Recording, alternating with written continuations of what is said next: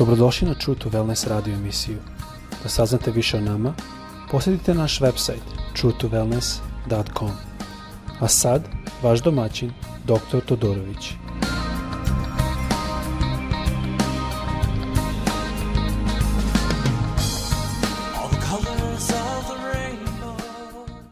Ljubazni i dobrodošli na naš podcast. Želim vas sve pozdraviti, nadam se da je sve lepo i dobro kod vas, da je gospod blagoslovio vas i vašu familiju.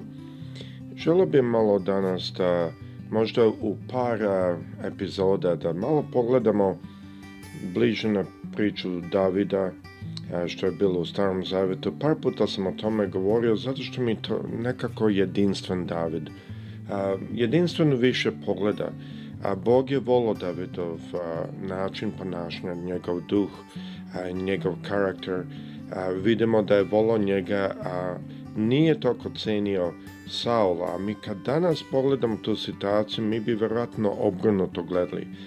David bi bio neko koji nije možda da u crkvi bi vidjeli njega kao jako duhovnog, dok bi Saul vjerojatno bio više neko koji bi bili duhovnog, visok, politički dobro nekako se ponaša, kad je trebao da ubije onog kralja, on je više ono e, onako više jedan e, negocijaciju napravio od ovoga sa njim i tako dalje. Dok David je više bio otvoren ono što je mislio i rekao. I na mnogo situacija na našem svijetu mi nalazimo da ljudi baš što ne vole. E, ako ste vi možda taj tip, ja sam lično taj tip koji voli da kaže ono što misli Mnogo puta to možda e, ljudi ne cene.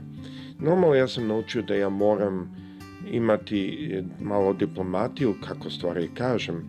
E, ima način dobar da se kaže nešto, ima način koji imaš i nije dobar. A, ima puno takvih lekcija što mislim da možemo ovdje vidjeti. Kad čitamo što reč Božja kaže o Davidu, ajdemo početi u prvo Samuilovoj 16. glava Zanimljivo mi da ova reč, ovdje ova glava počinje, prvi stih kaže ovako, a gospod reče Samuilu, dokle ćeš ti plakati za salom, kad ga ja odbacih da ne caruje više nad Izraeljem, napuni rog svoj ulja i hodi da te pošljem. E sada ovdje je zanimljivo šta je E, što nam ovo pokazuje, Samuilo je bio prorok, mi znamo da je e, po delima apostolskim e, glava 3. 24. stih, tamo kaže i svi proroci od Samuila, znači tu počinje ta, ta faza proroka raznih koji su bili. I mi vidimo da je on bio čovjek Boži, on je bio neko koji je razumao Boži duh i razumao kako Bog želi da radi, ali isto umo čuti od gospoda. Ovdje možemo da vidimo da je Samuilo volao Saula i on je literalno plakao za tim što je Bog odlučio da odbije Saula, da ga odbaci, da ne caruje više nad njegovim narodom Izrilom Dalje kada čitamo ovu reč, ovdje mu je gospod rekao napuni rog svoj ulja i hodi da te pošnem k seju Betlemejcu, jer između njegovih sinova izabrah sebi cara. Znači, ovdje vidimo par stvari. Duh sveti, to jest duh gospodnji, je u to doba gledao okolo i tražio koga da stavi za cara. I izabrao je jedno od sinova a, Jaseja. I kada odemo u 11. stih, tu vidimo da je on Samuilo, to jest došao u kuću Jaseja i rekao je si da dovede svoje sinove pred Samuila, da prođu pred njim i da će mu gospod pokaze koga je izabrao. Dakle, kad počnemo čitati u desetom stihu vidimo da je to Jesaj uradio, on je dovao svojih sedam sinova i Samuila je sedao i oni su prošli pred njim i evo kako reč Božja kaže ovdje, tako reče Jesaj te prođuše sedam sinova njegovih pred Samoila. A Samuilo reče Jeseju, nije gospod izabrao tih. Ovo mi je zanimljivo. E, mnogo puta u današnjem svetu ljudi koji e, možda imaju duhovne darove ili koji možda e, radu u tim erijama. mnogo puta bude pritisak kada Gospod pokaže nešto i prođu svi da kažemo ovdje u ovom slučaju sinovi, i gospod ne pokaže koji je, onda ljudi možda se pitaju, pa šta je sad ovo? Pa gospod, ti si mi rekao da, da ćeš izabrati jedno od njegovih sinova, ali nije ni jedan od njih. Ali dručije je Samuilo i ovdje reagovao. On je re, pitao Jeseju u 11. stihom, kaže ovako, potom reče Samuilo Jeseju, je li su ti svi sinovi? A on reče, ostao je još najmlađi, eno ga pase ovce. Tada reče sam Milo, se pošaljite ga dovedi, jer, ćemo, jer nećemo sedeti za sto dok on ne dođe. Ovo mi je malo upalo u oči. Naime, gospod je poslao Samuila, Jesej, ocu, koji ima u stvari osam sinova, ne sedam.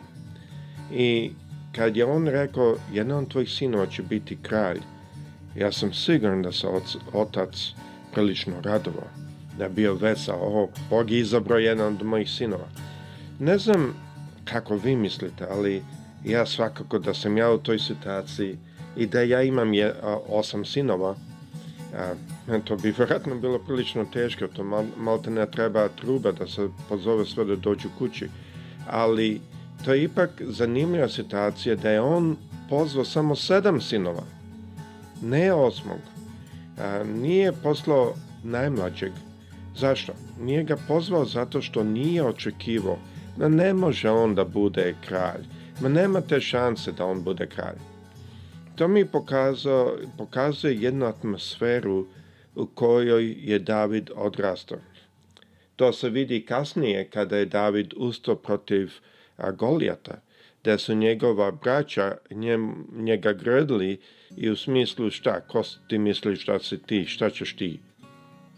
Atmosfera u kojoj David odrastao e, predlaže nama dok čitamo reč Božju da je on možda zato što je bio najmlađi, da je mnogo puta bio potišten, da je mnogo puta bio a, spušten, da kažemo, na našem e, i da je možda bio prilično ponizan kao, kao čovjek. To je zanimljivo jer mnogo, mnogi od nas, možda vi koji slušate, možda ste odrasli u situaciji da se osjećate da ste bili poniženi, možda i u familiji u kojoj ste odrasli, možda kasnije. I mnogo puta mi možemo kažemo pa gospod pa zašto si to zvolio, zašto si me ponizio, zašto ali ovdje što se desilo je da je gospod iskoristio ovo. Zato što dok je David takav imao jedan odnos s njegovim braćom da su svi gledali njega kao najmlađeg, kad on je pazio ovce, kada dođe medved ili kada dođe lav, i oni tamo imaju lavove u tim merima. ja sam bio u Izraelu, a tamo ume sa vremena vremena se pojavi lav, pogotovo putem iz Afrike da dođe. I kad se to ume desiti, a, šta je David uradio? On bi ustao i sa svom kačkom. on bi odbranio svoje ovce. Meni je to upalo u oči da neko koji je bio ponižen sa jedne strane od svoje familije, od, od, od svoje braće, nije se uplašio kad bi naišao vuk ili lav E, ili medved ili lavi, on je spomenuo sve te u raznim mjestima, nije se uplašio, nego bi ustao.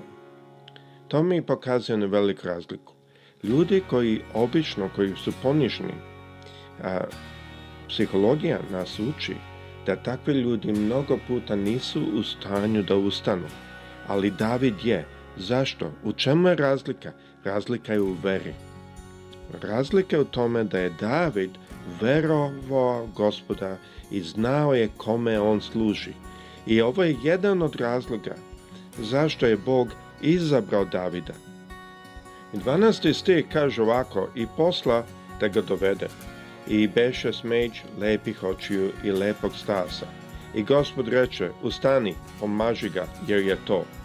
Ovdje vidite da je gospod izabrao Davida, da je izabrao i to je bilo jedno iznenađenje, iznenađenje se zato što je Jeseja svakako očekivao da će to biti jedan drugi kraće. da će to biti jedan od drugih. Oni više izgledaju kao vođa, oni su, troje od njih su bili u armiji, oni su spremni da vode. Ovdje vidimo još jednu stvar, to je da David možda nije izgledao kao vođa. Ne, kad njegov eh, rođeni otac nije očekivao ali gospod ga je izabrao. Mi znamo koliko je gospod koristio Davida.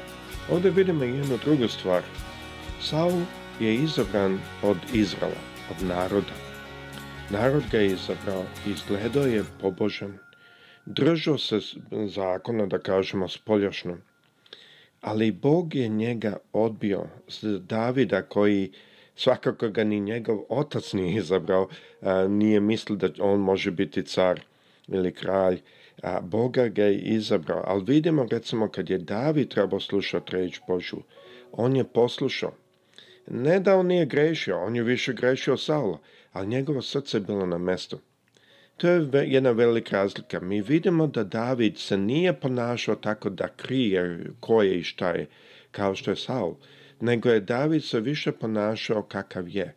On je umao puno puta pogrešiti, ali njegovo srce je bilo na pravom mjestu. Dok Saul je manje grešio, da kažemo po ljudskim, ali Boga je odbio. I moramo znati da mnogo puta ima ljudi koji dođu u crku, koji izgledaju bilo koju crkvu, ne mislim ni na jednu denominaciju, i koji možda izgledaju pobožno, i koji možda izgledaju duhovno, i koji možda izgledaju kao da su ljudi.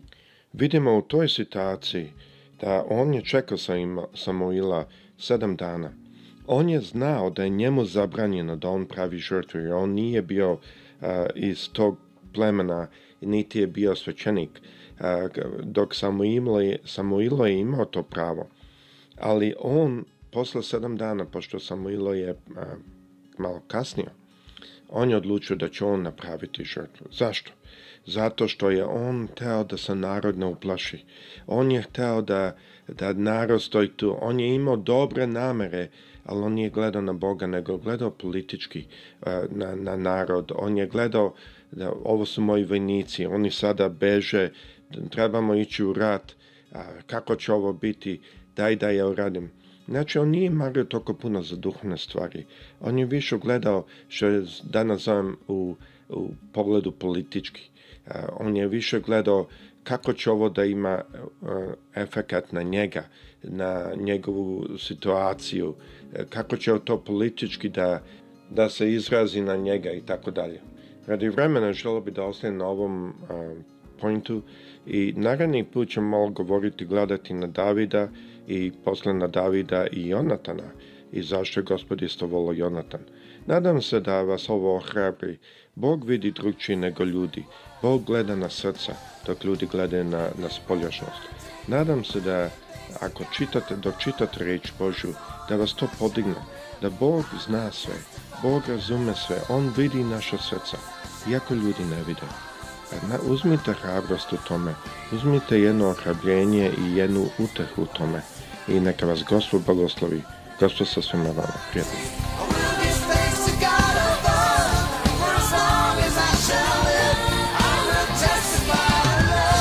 Slušajte True Wellness radio emisiju.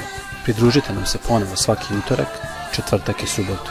Za kontakt molimo posjetite naš website www.truetowellness.com Naša email adresa je info at